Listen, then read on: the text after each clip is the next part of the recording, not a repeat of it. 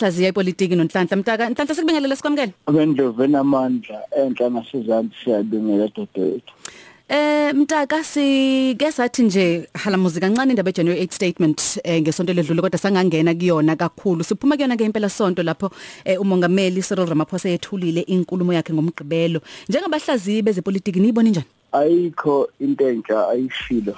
Usho konke esikwazilo nenkinga esizaziyo. Mhlawumbe ke sizolinda ukuthi inkulumo ngqangi yakhe yesizwe Mhm. Esekhuluma njengomengameli wezwe bese sizwe ukuthi ixazululo zithini ngoba phela ukuphawula ngoJanuary 8 usuke ekhuluma namalungu eqembu lakhe bekhuluma indaba abavunana ngazo kwinkomfa yakhe. Okuningi nje siyokubheka thina uma sekhuluma nesizwe njengomengameli wezwe kodwa lokho akukhulumile akekho ongazi ukuthi uyesikomo senkingeni mhm. Akaqali futhi ukuthi uzowulekelela. Ayekho ongazi ukuthi ingane iphasile eh akaqali futhi ukusho ukuthi eh, kufuneka iphase ukuze zikwazi ukuthi eh, ziphakamise izinga lemfundo.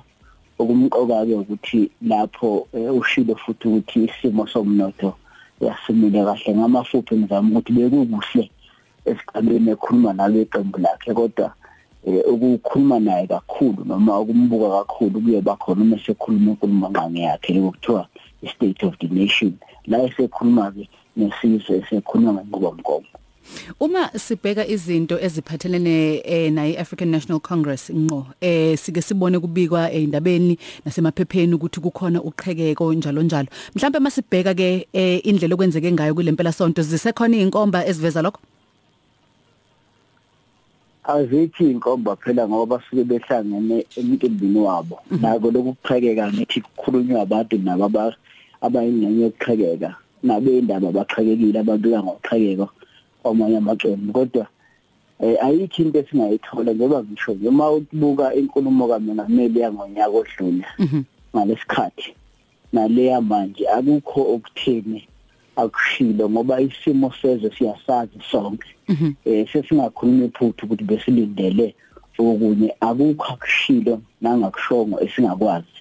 Njengesizwe yike ngithi ingundezi isekutheni noma sekhuluma njengomengameli wezwe sekhuluma ke esizweni sizwe ukuthi eh uthini njengegazelo esingakuphawula. Mm. Hayi ngoba kusenkulumeni yakhe igemegeme ezenzeke kanti ukuthi akhulume inkulumo yakhe.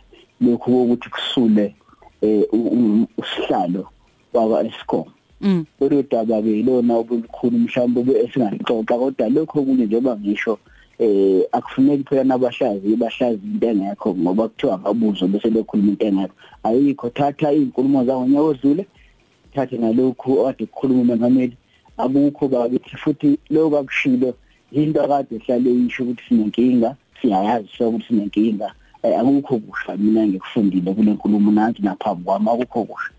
Uma sithi sibheke phambili kuyona state of the nation address kodwa sibe sibona ngapha eh, amaqembu aphikisayo njengayo nje EFF eh, bethi uma kungabi khona inyathelo ezithathwayo eh, ezibhekise kuyena eh, ungqongqoshe zamabhizinisi ahulumeni Public Enterprises Minister eh, Pravin Gordhan eh, bazoyiphazamisa leyo nkulumo. Sing- singa singalindelani mhlawumbe ma- manibheka nje phambili ukuthi kungenzeka nini singayilindela mhlawumbe singakhulumile esikuphela ngoba inkinga kagesi nokunengwa.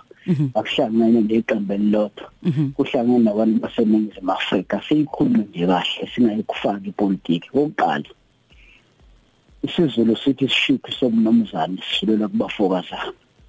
Yebo umnomzana mabuza lo kade usihlalo unile eh ikomiti lakhe lonile kodwa iqiniso lithi wona nje nosihlalo wakhe nayo epolitiki komnomzane uPavin Gordhan umbuzo kobuzwa abantu abaningi kufanele futhi waphela uPravin Gordhan owezakithi wathi uzoyilungisa lento eh eh, ilingana naye incane kakhulu. Yena ke uzokwenzani ngalesikhathi ngamafuphi eh abe EFF uma bephawule kanjalo?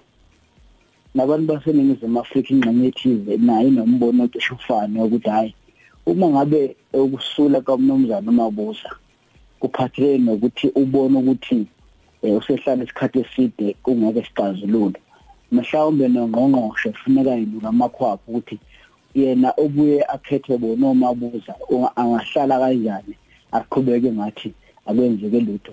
Yinoni ke lelo elizosetshenziswa ngamaqembu epolitiki noma ngabe i-FF noma ngabe inkatha noma ngabe i-DA yinoni yelelo lepolitiki futhi liqondene naye ngqo umengameli. Ngoba uzokhumbula ukuthi umengameli oqobe umnumzane Godani umongameli waye usihlalo wekomiti la kwa-Eskom esayisekela mengameli konke kubhekene nomengameli akekho ongakalithole inoni lokusho okuthize. Kodwa esingakusho nje ukuthi eh unyaka lo omqoka kuyena umengameli eh neqembu lakhe ukuthi uma besafuna ukulalelwa eh bahlonishwe kulokho abasuke bekhuluma noma ngabe kuyizinkinga yachaza noma okuyixazululo abaqale manje eh bakhulume nezinto ezithinta abantu ngqo amafuphi eh akasikhulumeli ngokuthi abafundi baphasile sibabonile othisha sebesitshenile nazo ingane sayibona ijabule asithole manje ukuthi